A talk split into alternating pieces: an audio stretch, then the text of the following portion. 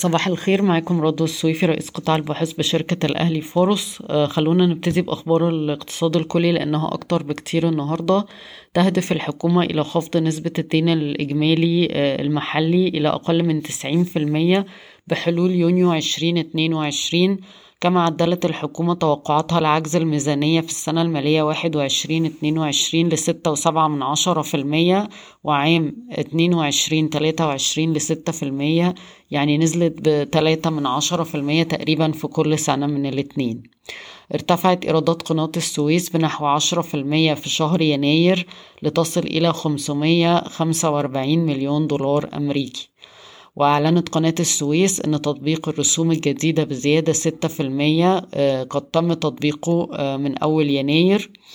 وأنشأت هيئة قناة السويس صندوق استثماري بقيمة 2 مليار جنيه هيبدأ العمل آه، الشهر المقبل. تتطلع الحكومة إلى إدراج أكبر عدد ممكن من الشركات الحكومية في البورصة المصرية في عام 2022 وطبعا على الليستة زي ما أنتوا عارفين آه، مصر الجديدة للإسكان وموفكو احتمال بنك القاهرة.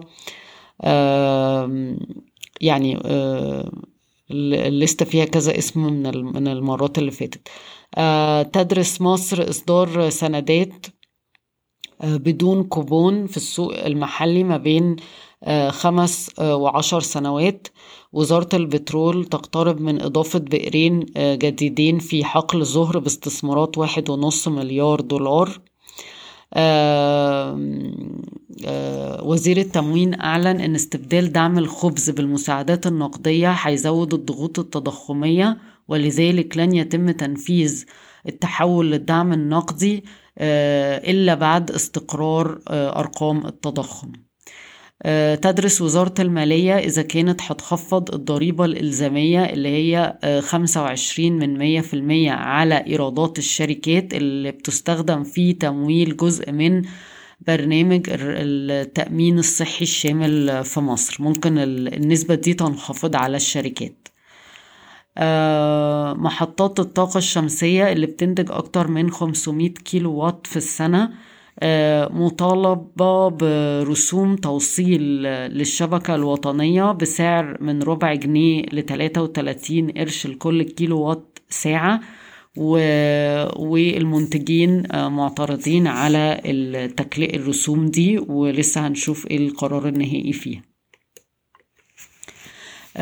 بعد أن ألغت هيئة الرقابة المالية آه الشيك على بياض كضمانة آه، للديون بالنسبة للمؤسسات المالية غير المصرفية آه، في حاليا مطالبات أو اقتراحات آه، عن كيفية ضمانة الديون في حالة عدم السداد. الاقتراح الأولاني هو تحويل عدم السداد للديون دي كنزاعات جنائية بدل ما هي مدنية لأن طبعا آه، لو هي عقوبة جنائية هتكون عقوبة أشد. الاقتراح التاني هو آه، حظر آه، كل الخدمات العامة والخدمات المصرفية على العملاء الغير منتظمين في الدفع.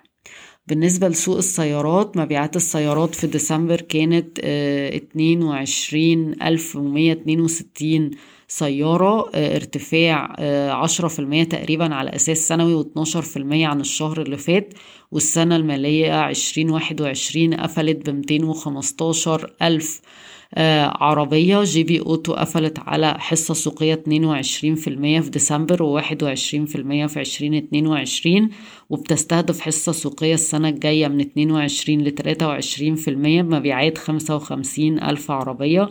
السهم بيتم تداوله حاليا عند أربع مرات مضاعف ربحية. وبرضه بفكركم إن الشركة هتطرح حصة من MNT حالا للبيع وده طبعا هيفكر الناس آه، بالتقييم بتاع GB Capital وهو هيكون أعلى بكتير جدا من آه، سعر سهم GB Auto آه، على بعض. عبور لاند حصلت على التراخيص لاستكمال إنشاء مزرعتها على 42 فدان باستثمارات 225 مليون جنيه. e-finance حصلت على موافقة بزيادة رأس المال 4% آه، لتمويل نظام الإثابة للعاملين هيكون واحد وسبعين مليون سهم. شركة H2 Industries هتنشئ أول مصنع لتحويل النفايات للهيدروجين باستثمارات 3 مليار دولار. والهيئة العامة للرعاية الصحية هتطرح مناقصة لشركات إدارة الرعاية الصحية علشان تبتدي تطبق نظام التأمين الشامل. وآخر خبر معانا النهارده إن Affirma Capital و Stone Pine هتستثمر 20 مليون دولار أمريكي لشراء حصة في شركة الأدوية نيرهادو انترناشونال بس ما فيش تفاصيل على قيمة الصفقة. بشكركم ويوم سعيد.